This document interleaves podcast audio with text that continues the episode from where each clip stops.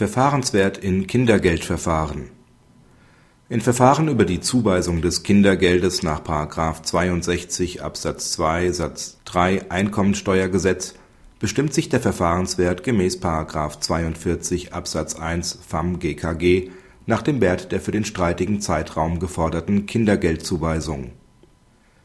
Die früheren Partner einer nichtehelichen Lebensgemeinschaft stritten über Zuweisung des Kindergelds für den Zeitraum November 2007 bis Oktober 2008.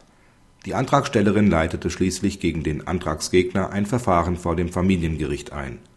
Gegen die Entscheidung des Familiengerichts wurde sodann Beschwerde eingelegt. Das Oberlandesgericht hat in seiner Entscheidung den Verfahrenswert auf 1.848 Euro festgesetzt. Da das Verfahren in der ersten Instanz nach dem 31.08.2009 eingeleitet worden ist, gilt für dieses Verfahren das zum 1.09.2009 in Kraft getretene neue Recht, somit auch das FamGKG. Insoweit stützt sich das OLG auf § 42 Absatz 1 FamGKG. Gegenstand des Verfahrens war die Kindergeldbezugsberechtigung für zwölf Monate. In diesem Zeitraum belief sich das Kindergeld monatlich auf 154 Euro, so dass sich ein Verfahrenswert in Höhe von 12 mal 154 Euro ergibt 1848 Euro errechnet. Kritik Es ist erschreckend, dass selbst Obergerichte nach über einem Jahr seit Inkrafttreten des FamGKG dieses Gesetz offenbar immer noch nicht kennen. Wie das OLG zutreffend noch erkannt hat, gelten hier bereits die neuen Vorschriften des FGG-Reformgesetzes, insbesondere also auch das FamGKG.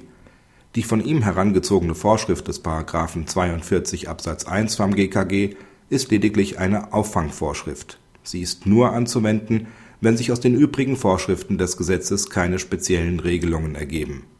Gerade das ist aber der Fall für Kindergeldverfahren, insbesondere die nach § 62 Absatz 2 Satz 3 Einkommensteuergesetz, enthält § 51 Absatz 3 FamGKG eine Sonderregelung. Der Verfahrenswert beträgt 300 Euro. Er kann bei Unbilligkeit heraufgesetzt werden